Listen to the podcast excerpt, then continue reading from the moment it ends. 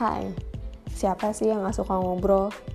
Ngobrol, pertemuan, diskusi, pengalaman, menginspirasi adalah beberapa hal antara gue dan teman gue ini suka.